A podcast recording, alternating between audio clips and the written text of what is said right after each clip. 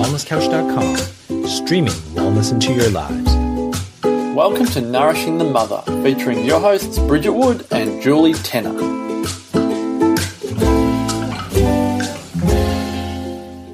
Hello and welcome to Nourishing the Mother. I'm Bridget Wood. And I'm Julie Tenner. And before we jump into today's podcast dealing with bad attitudes in our kids, we just want to remind you that our aligned parenting program, our two week program, is up for sign ups now and begins at the end of April. And we would love to have you along for that. We love that you listen to us sometimes a little bit, sometimes every week. Mm. And we're super grateful and we would love to continue our learnings with you through interactions in email form. So yeah. please jump on on to nourishingthemother.com.au and sign up to our tribe for a once a week email that wraps everything up that's happened from our week and sometimes the second email if we've got a juicy story to tell. Yeah. Love to see you there. Now, this week is, speaking of juicy, a juicy one because yesterday I think was that day where I almost threw my hands up in the air and said, Okay, you got me. My kid's an asshole.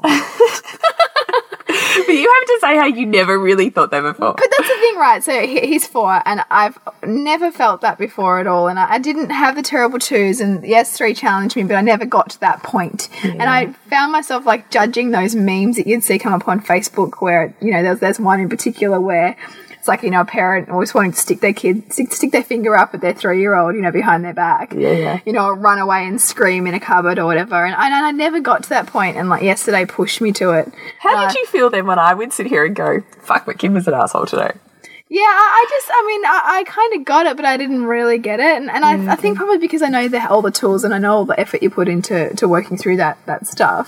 It wasn't um, as triggering. Wasn't triggering for me. Right. Okay. Whereas, whereas I guess that, that super kind of mainstream, all the bad behaviors on my kid and I, I've got nothing to do with it kind of stuff used to really trigger yeah, me. Yeah, yeah, yeah. But yeah, of course, I'm being getting called in to own all that stuff, aren't I? we always do. We always do. So just be careful. But um, yeah. So I really found myself at my wits' end, and I found myself, you know, like in that in that kind of, you know, really triggered state where I just felt like, you know what, you are being way too demanding right now. And I, you know, called my husband. I'm like, he's just so demanding. You know, I was just getting so annoyed. And I'm thinking, oh, hello. What was happening? Can you paint the picture a bit more? Yeah, yeah, yeah. So we would spent kind of all day with um, a friend, a friend of ours, and like they had a lovely time. It was gorgeous. And then I took him out to an appointment, and he played Lego the whole time while Sylvie was getting a treatment. So he was divine.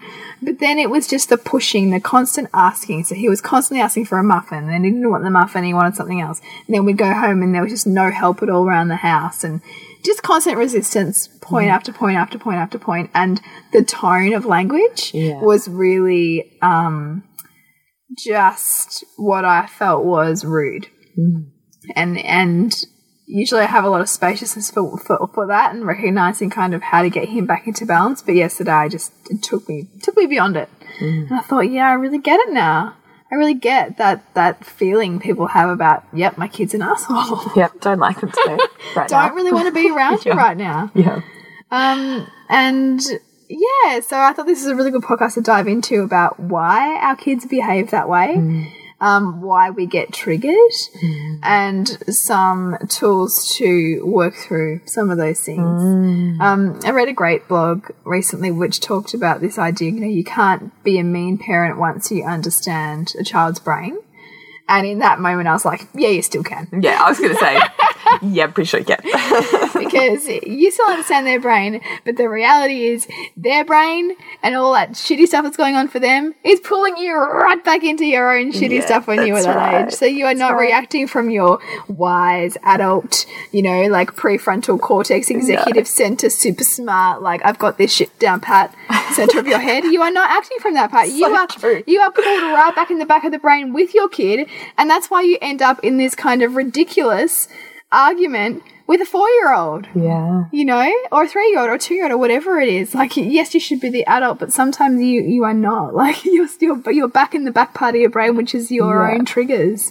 So I thought it'd be, you know, cool to, to, to lift the lid on that a little bit because anyone who's listening to this podcast, particularly for us on parenting, will likely be reading a, you know, a shitload of articles about mm. how to be a great parent um, that don't always recognize just how much you're going to be pulled into the soup of emotions with your child and how much your child is setting you up to feel all of the feelings that they're feeling, which is why it feels so yuck and why we often want to get the hell out of there. Yeah. And also why we get, get reactive because it doesn't feel safe for us. I think that's a great place to start. Do you want to start there? Just pull apart the soup and setting our kids setting us up to feel what they feel Mm. because you and I are familiar with the lingo because we've just finished recording our aligned parenting course and it's Yeah. you know strung throughout all of our podcasts and certainly Mm. all of that course but for those um, beautiful listeners that are not as ingrained in that I think it'll be really worthwhile starting there and pulling that apart I guess a great place to start is to consider that you and I both, with our viewpoint on um, holistic health and kind of our worldview, essentially, um, we see no we see no difference between the mind and the body. We believe in an inherent connection between the mind and the body, and so if we think about that. That means that the world around you is a reflection of kind of, you know, your perceptions and your projections onto the world. And so is the world within you, meaning your body. So your body is always responding to the way that the mind is filtering its world. And based on the way that the nervous system is structured, the nervous system, even before we've even before we've been able to conjure up a thought or assess something with our thinking brain, our body has already sensed the environment around us. Which means that before you can even think about your child's behavior that's going on around you, your your body's already felt it all so interesting and their body is feeling you.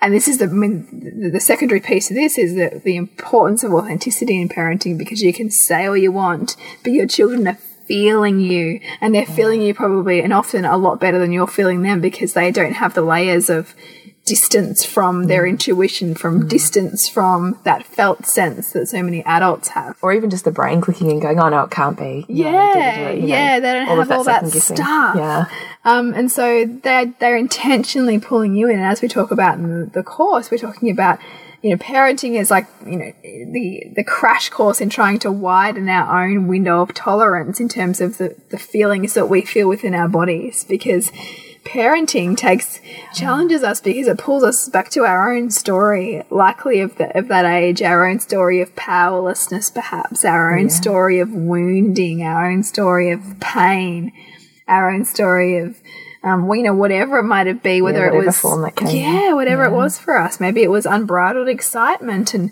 and we're facing that again in our children, and we're wondering how that is for them, and you know, based based on how we were treated, you know, with those emotions. Um, and so this is what we mean, like this concept of a soup. And with a soup, you can't take ingredients out of a soup, right? Like once the ingredients are in a soup, they're in. and and you just like you can't take a child or a parent out of the soup of of of emotions and stories and connection. This is why we always talk about the principle: you can't look at a, a child's behavior in isolation. It has to be seen as part of a dynamic. Part of the soup. Big part of the soup because you can't they- take it out. You can't take it out. Yeah, And in fact, like some, you know, some in particular, some chiropractors won't work on children unless their parents are in the room because they know that, that the child's a mirror and it's much broader than simply just the child. There's a mm. family dynamic at play. Mm. So that's what we mean around around this soup and this idea of you know whatever you're feeling within you, particularly when your child's really triggering you, is likely what they're feeling. So so often as parents, when we when we go into like a power over kind of activity with our child in that we want to we, we say right you know that's it i've had enough that's us feeling powerless. So we're trying to exact some power over the situation which is exactly how the child's feeling. The child's feeling incredibly powerless. Um, and, and, and so are we and so we, being the bigger person and being the reality that we can we, we bring in the power over which is ultimately further disempowering for the child and disconnecting for the relationship and ultimately what creates that that void or that wound as well Yeah. which you know i mean we talk we've talked about in previous episodes this whole even concept of the trigger why we jump into the role of being powerful Yeah. or you know in essence i mean it's a harsh word but being the perpetrator of that exact incident mm, because mm. that's our photographic memory from when we were little Yeah. when we were treated this way when we felt this way and we behaved this way mm. here's how we were responded to and that was wounding for us on some level or many levels. And instead of identifying with the victim, which we don't want to do long term because mm. it's so disempowering and therefore dysfunctional in terms of carrying that forwards in a personality in a life, mm. So we find these really creative ways of moving around it, of never having to actually go back into it. Mm. So as uh, you know, as we grow, and certainly as we're adults with our kids, if something feels a bit uncomfortable, if there's a level of discomfort around entering a situation or a conversation, we just find a way to actively avoid it, to get out of Mm. There, to move around it, or to numb it out, so we don't actually have to feel it. Mm. But when you're a parent, you don't have that option of getting away from it, No. even though you want to. So you're forced smack bang into these wounds that you spent potentially a lifetime running from. Mm. And in that moment, our inner child wants healing and recognizes that the panacea to that healing is to be the one that was in power, not the one that was the victim and disempowered because that felt awful. Mm. And we want to get out of that. And so we come in with, with what essentially was, was done to us as, as the, cathartic response. And Not that it's healing, No, but, but, ultimately, but it's, it's, and it's an autopilot response. It- It's a, Yes. it's a response based on very, very deep brain patterning that says that this is how you react in this situation. Yeah. And you, you know this because you'll likely find, you know, if you've got a partner, a relationship, you know, in, in the family dynamic, that, that what bothers you doesn't seem to bother them and what bothers them doesn't seem to bother you because you've got this very, very different patterning around your childhood which is so fascinating and, and so so you know so often you might be kind of getting frustrated about something going on with your kid and it's just not really Yeah, it's not a uh, deal it's not even them. on their on their Yeah, radar which which is, is just mind-blowing because something that can be so so frustrating for you can be not even a thing it's a non-issue. yeah Yeah, it is. It's really interesting. so, you know, this is the whole point of getting really clear about when we've slipped into that, you know, reptilian or mammalian part of our brain where we're out of consciousness and we're into the realm of unconsciousness, mm. when the feeling in our body kind of feels ferocious and wants to take over in a situation, mm. as opposed to feeling like, I can hold this space, I've got it. yeah Like that's the difference. But if we're in a trigger, unless we're well versed at handling our triggers and we have a toolkit for that, we're always going to end up in trying to heal what's left mm. there. And we always end up in the feeling part. yeah Right? yeah So I find this really interesting. I mean, I find this really interesting. For me, this was the like the biggest crux of of working out my childhood and, and in a moment what's happening for me versus what's happening for my kids and, mm. and what's what because sometimes I think we can blur those lines. I think it's I think I think it's very very difficult to separate them to be honest, and I'm, particularly because so much of I mean the way that the brain the brain develops, your thinking brain doesn't fully become fully wired till around three or four. So so much of um, you know if you've got children who are under three or four, they're bringing up stuff for you from for you for that from that same age. That's not memories that you can think back to. Those are implicit memories held within your body. So whatever's triggering is likely to be a body sensation Like within you that's going to take you back to perhaps how you felt at that same age, which I think is why the early motherhood particularly is so you know, like it's just like a, a bomb has hit a woman in terms of how she is and who she is because it's so incredibly takes you straight back to, to your most vulnerable time of your life, to the you know, to who you were then and how deeply you relied on the people around you to keep you alive essentially. And so mm. so we really, really learned very quickly what was okay and what wasn't okay. And our child our own children now are trying to help us heal through those perceptions of that time. Like it's yeah. profound. yeah, it is. It's, It's really magnificent and it's deeply painful at the same time sometimes. It is, but I think that's actually the point at which you start to recognize what's their stuff and what's your stuff Yeah. is in the sensation of being online or offline, which is mm-hmm. again language that that you and I use, but in terms of being online, you're consciously really present and able to really hold this space without feeling mm. emotionally plugged in by it mm. Versus completely emotionally plugged in. It's a wave going through you and over you mm. and overriding you sometimes. Mm. That for me is the difference between being in spaciousness and able to hold this for my child versus being in my own fog. Yeah, yeah. And so I think you can get really clever. Clever's a terrible word. I think you can get very um, body centric enough where you can bring your conscious brain back when you start to recognize the feeling of what your triggers are and give yourself the opportunity with a toolkit to either deal with them there in the moment if you're well versed at it or to work out a way to move it through your body and put it on hold until you can come back to it that mm. night so that mm. again you're separating what's my stuff, what's their stuff. Mm. I think it's possible to do. I don't think you're going to get it 100% of the time. I think sometimes you're going to nail it, and sometimes you're going to go a little left, and sometimes you're going to Yeah. go a little right, and sometimes you'll be, you know, 5, 10, 15 minutes into a trigger before you go, whoa, Nelly, Yeah. this is not reality yeah, anymore. Yeah, yeah. Um, and there's a level of this not feeling safe for me or for my child anymore. Mm, mm. Um, but I think you can start to bring no different to any form of awareness. I think you can start to bring awareness to when your body, how your body is feeling, mm. and if you are in connection or in disconnection. And I mean, this is, and there's, there's some key like tenets to this kind of stuff. I mean, even in the newsletter that we sent out this week, I talked about one of my key parenting mantras is wait for two reasons. Wait to see, you know, see whether, whether my child needs me in this moment or whether, you know, my read on the situation is right. Yeah, Because I think so often we think we need to go in and help our child, children before, but in fact we don't often when they're trying to learn something. Yeah, yeah, but also wait when I'm triggered so that I can have a take a breath Yeah, see, this is that. and just try and like kind of get Come back online. come back online Yeah. because the breath and connecting to the breath is connecting more deeply to our truth as opposed to the stories we're running the patterning we're running all that stuff Fog recording. yeah Yeah, absolutely. So, look, I think that's a really good wrap up of sort of triggers and the soup mm. and just the whole concept that our children are setting us up to feel the way they mm. feel. I, I find that just even now, I still am blown away by the magnitude of that. The fact that if I can take a breath, as you say, and tune into how I'm actually feeling and what sensations I have in my body, knowing that that's a mirror image of what my child is actually feeling, will be displaying it differently because I've got another 30, 40 years on that little person yeah but the feeling in our body is the mm. same. And I mean, ultimately, the healing comes the longer that we can stay with it.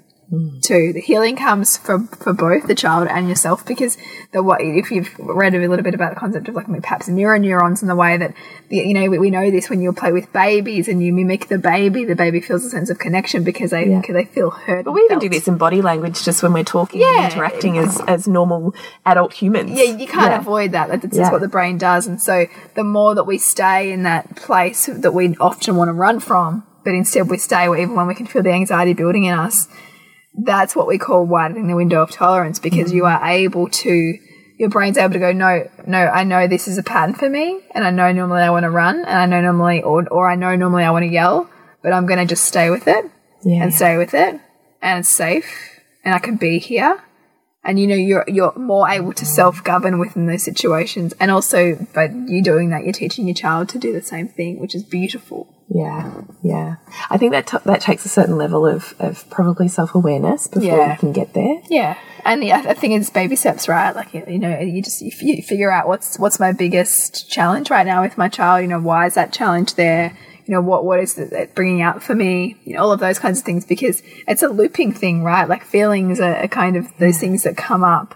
And until we really address them, they're going to keep showing up. And Yes, it's, that's right. the pattern will keep showing up with our children in the same kind of way, just like I. Because they want wanting us to own it. Yeah, that's right. Like just like I need to own how demanding I am because I'm super demanding, but I can't handle it in my kid. so you know, it's, it's about that. It's about becoming aware of like what are the things that like you know, instantly make you go from zero to a hundred in like you know five seconds flat. Like what's the trigger? Um, because it, it's beautiful to see just how much your kid's trying to get you to own that as as much as it might shoot you. Yeah, so this is another. I mean, if this is another good point to probably segue off onto here is just the ownership of that. So we're talking about all around this concept of a bad attitude. So we've just talked about um, our response to a bad attitude Yeah. and the the kind of background on that. So let's segue into tactics and then just wrap it up at the end with the reflective ownership that's Yeah, going on in that sure. dynamic. So the, the tactical thing I think is really interesting to look at because as we touched on the beginning of the podcast, what's so important as a parent is authenticity, right? Because we, our children are feeling it, whether we're saying it or not, they're feeling where we're at with them. Yep, the congruence. Yeah. And there'll be times when your kid, when your child pushes you to a point where you're just not okay with it anymore. You're not okay with being spoken in that way. Um, but I guess the difference with what, you know, this kind of conscious, respectful parenting approach is that we see our children as whole people. So just like you wouldn't, you know, go off, off the leash at your partner and speak to them in a derogatory way when they are rude to you, you would find words to use with your child that are somewhat respectful. So, you know, I might say, look, I'm feeling really um, hurt right now, some of the language that you're using with me, or I, I feel really uncomfortable with the way you're speaking to me right now. I need you to ask me in a way that is kind or thoughtful. It would, would be something that I would say to my four year old. Probably a little bit too wordy there. Probably bring it back a bit. Yeah, yeah. I'd also say things like, um, "Yes, I know you're feeling angry right now. I can really see that you're frustrated, or what you know, label the feeling that they've got." It's the observation part, isn't it? Yeah, and to, the, for to allow them to feel heard. But it's not okay with me that you do X or that you say that to me. So that I'm allowing the feeling, but I'm not allowing the behavior that is attached to the feeling. Because I want to, I want a family where all the feelings are okay and that we feel open enough to express our feelings, but that the feeling or the or but the behavior that's attached to that is not also given free rein either because we need to respect each other within the family. Um, but it's funny, right? Because it can be hard to make that distinction between, you know, being fully expressed and honest with our children about what's okay and what's not okay, and then where, where we do it or don't do that with our partners. You know, I said to my husband, this is a minor segue, we'll come back, but I said to my husband yesterday, I said it's so funny because I really try hard to explain to Hugo how his feelings make me feel and that I'm not okay with that. But yet I fear that I fear being that honest and truthful and open with my husband about what what the things he does make me feel because I fear the rejection from my husband. I don't fear the rejection from my child. Mm, so Isn't that interesting? And I think it'd be it'd be quite a similar thing for many many people where. We know we know our kids can't can't reject us really. No, we, we know that it's a safe, safe it's relationship. a safe relationship. Yeah. So, which then, which is, a, and so we have the power over, which means that we often let that power just go wherever it needs to go, and they're kind of at, they're kind of at whim to our own At our mercy. They're at our Yeah. mercy, yeah. And so finding ways to communicate respectfully to them what's okay and not okay has been a real task of mine lately as my son's so much more verbal and much more at the moment going through the storm of coming into his masculine um which is full on But Yeah. yeah so it's Big around. For. yeah, it is. And so, some other probably tactical things I'd love to hear from you, having older kids and probably being more well versed around how you bring in those boundaries or bring in those hmm. limits for them in a way that's respectful. What can you reel off for us? Look, honestly, I, I philosophically handle it exactly the same way you do. So I think it's really important to one set a boundary that feels honouring to me, hmm. because when my boundaries are maintained, I maintain my spaciousness to hold space. Yeah, yeah. If my boundaries are crumbled or I let them be walked over, hmm. I no longer feel like I have the capacity to hold what's in my home, family, child, whatever. Yeah. I start to feel a bit out of control. And so when I start to feel a bit out of control, all of a sudden my reactions will start to become reactive. Yeah, yeah. So, and this is this whole concept with spaciousness that I think as women, we're trained out of boundaries. We're trained into being nice. It is so true. Um, so and, true. and I know, and like, we know this, and you and I talk about this all the time, but it's just a constant reminder because I had the same conversation with somebody today. You know, we don't want our little girls to toe the line, right? Just because we were taught We don't toe want any of them to, but No, girls, in girls in particular, particular. Are, are particularly taught to share and be kind and be loving and you know play the mother. Always have a smile on your face and turn that frown upside down, and all of that stuff. Mm. You know, boys get away with being rude and obnoxious more Mm. than what girls do. You know, it's quite. I even find it interesting just watching because I have a really feisty three year old girl, and I have you know a really intense. 11 year old boy, and yet the stuff that he gets away with or has throughout his life would be way more socially acceptable than my daughter, who's displaying exactly the same level of aggression because she's a girl yeah, yeah, it's really interesting to me and the expectations that we have based on gender. Mm. Um, you know, no different to women in power or sport, or you can extrapolate that out as many as Yeah, many. Anyway, absolutely. we're digressing. I forget where I'm up to. So, some of the tactics and tools that you would use around, you know, transforming a bad attitude or calling out a bad attitude. yeah, okay. Um, so boundaries, that's where I was at. So I know that if I'm being reactive, I know if I'm being a cranky mum, if I'm being called, not called in, sucked into yelling because I think mm. it's the only tool I have left. Mm. Um, if I'm being sort of mean and disconnected, mm. which I certainly can be, Yeah. but it's a warning sign for me that I've let something go. I've let something fall and crumble down that now means I'm in survival mode almost, mm-hmm. as opposed to, it's all good, I got this. Yeah. You know, and it's a very different space to be parenting in, very mm. different. Mm. And yet I'm the same woman, but I parent completely differently mm. when my boundaries and limits are well in place mm-hmm. and when my boundaries and limits are um, crumbling. Yeah. And I see this a lot in myself and in the women around me because how much do we let the limits we set for our children or the boundaries that we have in expectations of behavior or whatever mm. in our families, how much do we let it go when we're feeling guilty? Oh yeah, I know. Yeah. yeah. Yeah. Or when, you know, I've been out all day, it's, mm. it's okay. I, see- I, I know even about Or- my husband. He, like- he, he, he like you know, and, and this would be a common thing, right? Like whether This is what I mean. Yeah. This is what I mean. Um, or, you know, any number of things. Anytime we're feeling unwavering, you Yeah. know, we notice our kids will keep pushing boundaries and they'll keep pushing the same boundary Mm. if we've responded in un, un, um, uneven, what's the word? yeah, Un- they're looking in, in, incongruent. They're- incongruent they're looking ways. for congruence. Yes. But if you have the things that I have an absolute firm boundary on, which I know you and I were talking Yeah. about in the in the not podcast, what were we doing? The videos for Align Parenting yeah. I'm like full on strict with what time my kids are. They're not allowed to get up before six a.m. and they're in bed by seven thirty. And Mm. da da. And the thing is, there's total spaciousness with how we move through these really firm expectations that I Mm. have, or boundaries, or limits, whatever you want to call them. Yeah. That I have in my family there's no anger. There is zero resistance. Mm-hmm. There's total cooperation and fluidity with them. Mm-hmm. And it's because I'm utterly congruent You're, you're, them. so, you're so certain. and I've set them from the minute they were born. Well, probably not with my firstborn, actually. That's a lie. It took me a really long time to work it out with him. But probably by the time he was 18 months old, certainly by the mm. time my second was born, we were well and truly in the fluidity of what I knew I needed as mm. family rules almost. Yeah. And so what I notice is when my boundaries are maintained, I have capacity to respond in loving and connected ways. Yeah. Yeah. When my boundaries and limits are not, and that can be for a variety of reasons of which I need to be then self reflective, mm. that's when they keep hitting and testing the boundaries and flicking and firing and da da da, and I'm worn down. Yeah. Yeah. And I'm worn down because my wall wasn't built strong to start off mm, with. Mm.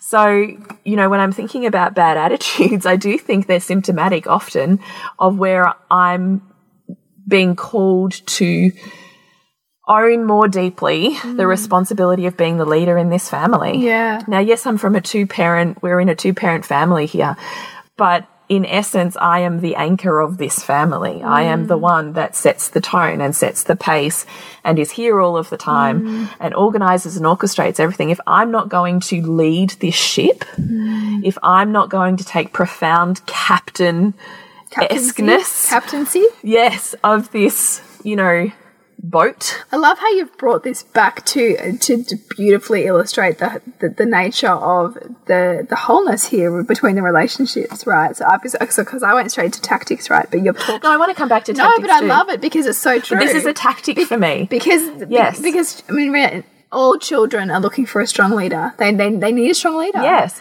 but we all do, right? we all do. It doesn't matter if we're in work, if we're in social circles. I mean, you Mm. think about anywhere primary school, high school, university, leadership in, in work, wherever you are, you are looking for the person to lead you. We are Mm. Yeah. Mm. designed and wired for that. And when there's uncertainty, you get anxious and then you get a bit angry and you get a bit niggly and you're testing boundaries. This is no different in a family. Mm-hmm. yeah, yeah. So I just, you know, I really feel really um, strong now in, in my expectations, in my boundaries, because I know when they're maintained and I maintain them, it's my responsibility to mm. maintain them, mm. that we all work really effortlessly. That that's when the freedom Yeah. of childhood play and mm-hmm. connection and holding space for my kids mm-hmm. comes out of having really tight boundaries. Oh, this is that principle that structure creates That's freedom. a paradox, isn't yeah, it? Yeah, but the, but but everything's a paradox, and, and that's the whole thing. When you embrace the paradox and and allow that to govern you or to, to govern it, to govern your situation, that's where the freedom is because you're able to say, yes, I'm going to apply that to this, and within that, find the space. Yeah. You know, so find the space, find the fluidity through the transitions. And this is the thing, right? Like, so even with transitions, which is what so many younger children struggle with, there's totally a way to do that that is spacious. Yes. That is fun. But only if you feel like. Like, like you can do that within yourself. Yes. And this is the whole. And I guess probably what, what you and I uh, talked, we, I think we touched on this in the I mean, this is our this is our whole title, right? Nourishing the mother. Yeah. Because we knew so deeply how important that was. Yeah, and probably for both of us coming from a um, a pretty smothering attachment parenting Yeah, uh, totally. beginning. Yeah, yeah. we found so But there's no boundary. It's yeah, all was no about meeting needs, meeting needs, meeting needs, meeting needs, turning up even when you couldn't. And, Yeah. and oh, I just found that so destructive in Yeah. so many ways for me as a woman. Yeah, And therefore, for how the ship runs. Right? Yeah. So- it's, it's that whole thing. You know, you don't just want to like you, know, you hear people throw around this whole idea of you know you just got to survive those early years. I'm like, I don't want to just survive them. I want to thrive in them. Yes. Because you can. Yeah. There is a way to do that. Absolutely. I'm hoping I find it with number four. I'm kidding. No, yeah, I'm you're kidding. kidding. but I, I really do want to be there Yeah. with this Yeah. number four, you know, and, and four I still go, can you do it with four? but we'll see. Yeah. I'm I hoping. was talking to somebody today who's got whose whose friend's got nine, and she's like, "Yeah, she's just like really calm." I'm like, "What? Really? that can't be true." so interesting, isn't it? yeah, yeah, Um, so anyway, back to tactics. So my first tactic, honestly, is look. I guess in the moment, um, I guess in the moment it's not my first tactic, but one of my first tactics is to always be self-reflective around if I'm not holding spaciousness, why not? Because that's my responsibility for everybody here. Mm. Then my next one is then letting my kids know the boundaries that they've overstepped.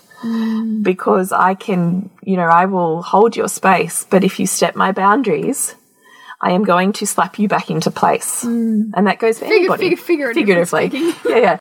That goes for anybody. That Yeah. goes for friendships, that goes for colleagues, that goes for strangers walking down the street. And it certainly applies Don't to my me. no, I will be spacious and loving and open and receptive to you, but I can only be open, receptive, and and free in that essence of giving of myself to you mm. when I know I'm safe to do that. Mm. Now, this is the this is part of the role of the seductress and getting really comfortable with the power and the feminine is knowing that it's safe for you mm. to release and open and into the people around you. But you mm. only deeply can do that when you know your boundaries are safe and protected. Yeah. And I know they are. Mm. Because when they're overstepped, I will slap you back into place. That mm. doesn't mean it needs to be rough or harsh or rude, but you will know. And that's the same in my family. It's honestly, it's no different. I'm no less congruent outside of those doors as I am in them. So my voice will change, my tone will change. I will get often, as opposed to my voice raising or getting bigger, I move in closer to them in proximity. Mm. So my space, I almost invade their energetic space. Mm-hmm. And they know that. They can feel me before I've even like entered that space. I'm quite sure there would be like a pulsating energy that's, Yeah, yeah, that's yeah. come. You've done the wrong thing. Yeah, yeah, yeah. like a black cloud. And so I will enter their space very closely and I will make eye contact with them. Likely, if they're still and they're watching me, I will touch them in some way, mm. create body contact. I'll say, That was not okay with me, the way that you just spoke. Mm. I find it rude and I feel. Mm. Not you made me feel. When you said this, you made me feel yeah, yeah, yeah. when you said that, I felt, and that is not okay with me. Sometimes that's all that needs to be said. Mm. Because all they need to know is that they've overstepped a boundary. Yeah. Instantly, they'll change, they'll mm. shift, mm. and they will. And if they don't, that's okay. Often they'll just go silent. They won't necessarily continue it. Or if they do, then, you know, look back on our other podcast where we're talking about the way back to balance and Yeah. creating acts of service. And, you know, that's a whole nother podcast. But in terms of dealing with bad attitudes, it doesn't matter if my child's three or 11, hmm. I'm using exactly the same toolkit because it's hmm. consistency, Yeah. it's limits, and it's knowing that they can be firm without needing to be harsh. And that's the thing; it's it's not needing to kind of exact any kind of punishment or or you know for them to have to. cr- you know, cr- you know, No, I'm not looking. no, or even kind of for them to say sorry or anything, even anything like that. It's just for them to simply know, isn't it? yeah, that that was not okay. Yeah. And then if there's a request that's gone, like often it'll just be like my daughter today, actually, it's a perfect example. We had um, my sister and her kids over, and she pulls on this attitude when her older cousin's over, and she's like, goes, "Oh, fine. like this, like this super sassy, you know, da da da. And I took it the first time, and I was checking in with myself, going, "There's an edge there." Yeah, yeah, yeah. not sure. It was kind of cute, but I'm not sure Yeah, because yeah. there's an edge. so I was just tuning into myself, going, she hasn't quite crossed that boundary, but she's definitely standing on that wall. Yeah, You know? And then she did it again. She said something, and um, I can't remember. I've probably said, you know, I'm not getting that for you right now, or whatever. "Ah, fine. Like this again. and I just said, I did that. I What's said, she been doing watching Clueless or something? Oh, I don't even know. Where do they get this to? Probably like My Little Pony or something. I probably got it off that. Anyway, um, so I went over to her and it said, I'm finding that really rude and I don't like it. and she goes, fine. like, like this. and I went, okay, that's all I needed. I didn't need you to apologize. I didn't need you to grovel. Yeah. I didn't need to humiliate you or hmm. make you repay something, some wounding of mine hmm. that's mine to own anyway. Hmm. I just need you to know what's acceptable and not acceptable here in this space. So it's the same with my older kids. So, um, you know, that's not an issue really for us when I feel comfortable in the boundaries and I feel comfortable in the responses I guess I have tagged for those. So it's exactly the same as you. So, you know, and sometimes I'll follow it up with, you know, if that hasn't, that, that cloud has still stayed on, I might say, I can see you're feeling really frustrated, angry. You're annoyed right now because I said this or this mm. happened, but I'm still not okay with you speaking like that. Mm. So I still do both. I do exactly the same that you do. Mm. Um, probably just having more kids, I'm probably just a bit not firm is not the word, but it can be come across probably a bit harsher. I'm just I'm right on top of that, and but because I mm. can't let it slip, Yeah. because when I let the little bit slip, they stack up, and then by the end of the day mm. of three kids plus extras plus you know extracurriculars and running everybody mm. around, I'm tapped out. Yeah. So I'm really aware of how much I have to maintain what I need to feel whole and respected mm. throughout the day. Mm. So I think it would depend on what you've got going on in your life. I think probably the less crazy you are, maybe the more the wider that tolerance is for you on what those boundaries are. Yeah, I think that they look different for everyone, right? Because Yes. the, the triggers are always different, and and there'll be some things that, that some people let slide, and some things that it's really not okay for someone else. Yeah, yeah. And that's so unique to every parent-child relationship. I think, yeah, it's really true. Um, and that's I think that's sometimes why when you can read parenting articles or read, you know.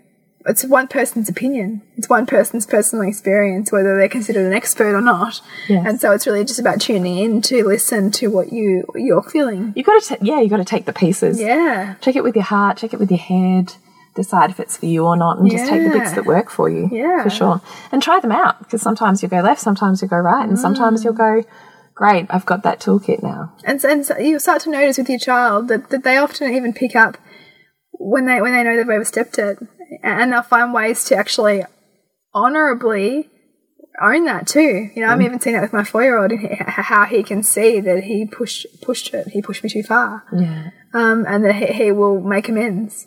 yeah, um, in a really lovely way. So there's a I think honoring your boundaries and being authentic in your responses to your children can actually be a really respectful way to parent because you are giving them a blueprint for what it looks like to stand your ground mm. and to own your truth. And I mean, it- it's not what we say; it's how we be with ourselves and being with ourselves and honoring ourselves is is honoring those boundaries and finding a way to communicate, you know, you know, authentically, um, and you know, and loving them in, in doing that too. Mm. I totally agree with that. Mm. So we are running out of time. So the last bit that we just wanted to touch on in terms of bad attitudes was just the the ownership of the ownership, Yeah. the self-reflective ownership mm. aspect of that. So, so that's really the piece around looking at what what is the biggest trigger here. So, what is it that, that that's it's, it's a consistent pattern? So, in my case, it's the dem- it's the demandingness mm. of of my child. And so, if we think about everything as as a mirror, this idea that that every trait that's coming in through the people around us is getting us to own more parts of those things within ourselves. That's really shining a light for me to go, wow, like you know, hey, where am I really demanding? You know, who else sees me that same way? Um, where was I that? You know, what what evidence is there that I can see that I do all those same things, but in my own form? And the more I'm able to own that and recognize that within myself and integrate that and love that part of myself, the less I'm gonna need to see that in my children. Because ultimately they are me, reflecting mm. me, and sometimes, or quite often, our children are reflecting the parts of us that we are most challenged by because they are there to push those buttons for us. Mm. They're there to, to help us integrate and become more whole because the truth is you're never not going to love your children. So the parts of yourself that you find the hardest to deal with will likely be with, be in your children because you'll always love them and they're teaching you to love you. So the piece around that is to really uh, sit with it. Sit with how you can see that you are the same, just in your own unique way. That you that you are that other people would also see you as that, and that you can think of memories and experiences of where you've done the same thing, um, and, and really start to make it less about your child and how can you make that about yourself. And, and likely when you do fully integrate that, the the behavioral pattern in the child will change because they don't need to reveal that part of you because you've already learned to to see it. Which is genius, isn't it? Yeah. Because for me, it's neediness too. I've been really being reflective on my third child experience versus, you know, entering the fourth child experience and thinking that too. Like, if the neediness was the really hard part for me, where am I not owning my own mm. neediness? Yeah. Yeah. And then when, when where are you? Do you have yourself perhaps on some kind of pedestal or, or in, have an inflated sense of your own self reliance? You know, Well, yeah, that's really true too. I'm sure. because it's the opposite of that too. Yeah, yeah, absolutely. So, moving out of the deep, dark bits, Yeah. of, you know, diving deep in the podcast, we would really love to invite you again to join our tribe, which is just a simple email on our, um, not Facebook page, what is it? On our homepage. On our website, nourishingthemother.com.au. So please jump on there. On there, you'll also find links to our um, aligned parenting course coming up mm-hmm. in April, where we really move through four modules of looking at exactly the soup dynamic. yes. So, what's going on for you, what's going on for your child, what's happening in triggers, and mm-hmm. moving through a complete toolkit to get you both back into balance and spaciousness. Mm-hmm. So, please have a look and jump online if you would love to join us for that. Yes. Kicking off in April.